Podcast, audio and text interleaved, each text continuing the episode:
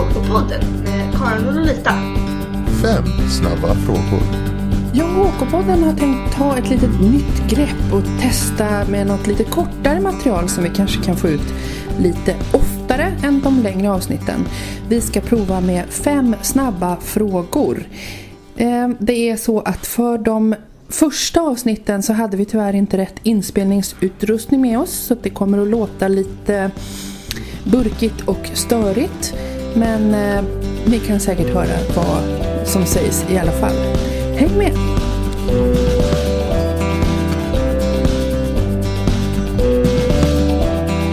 Ja, då ska vi se.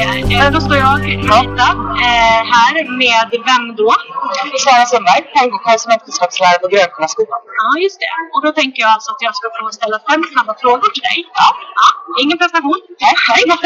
eh, så, då vill jag... Eh, den första frågan. Beskriv ditt förhållande till HK just nu.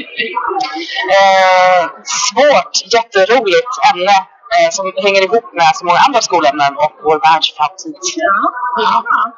Eh, nämn en ingrediens som du aldrig använt men skulle vilja använda i din undervisning.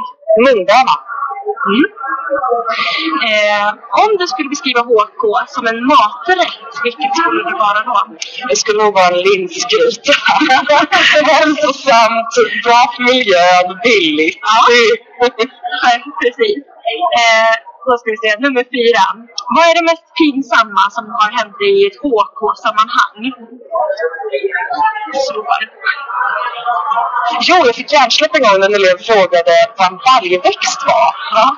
Jag vet inte varför, men jag svarade i alla fall för att de växer i baljor. Jag vet inte varför jag svarade så.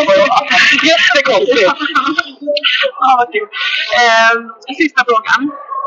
När din HK-historia sammanfattas, vilken låt väljer du som soundtrack? Um, we are the world. Tack Tack snälla Sara för att du fick ställa de här frågorna. Ja, tack.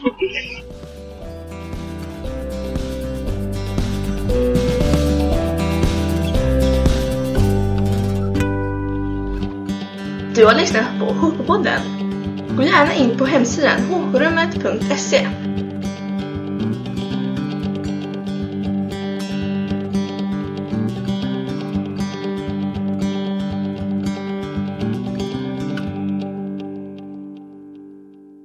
Du har lyssnat på HK-podden. Gå gärna in på hemsidan hkrummet.se.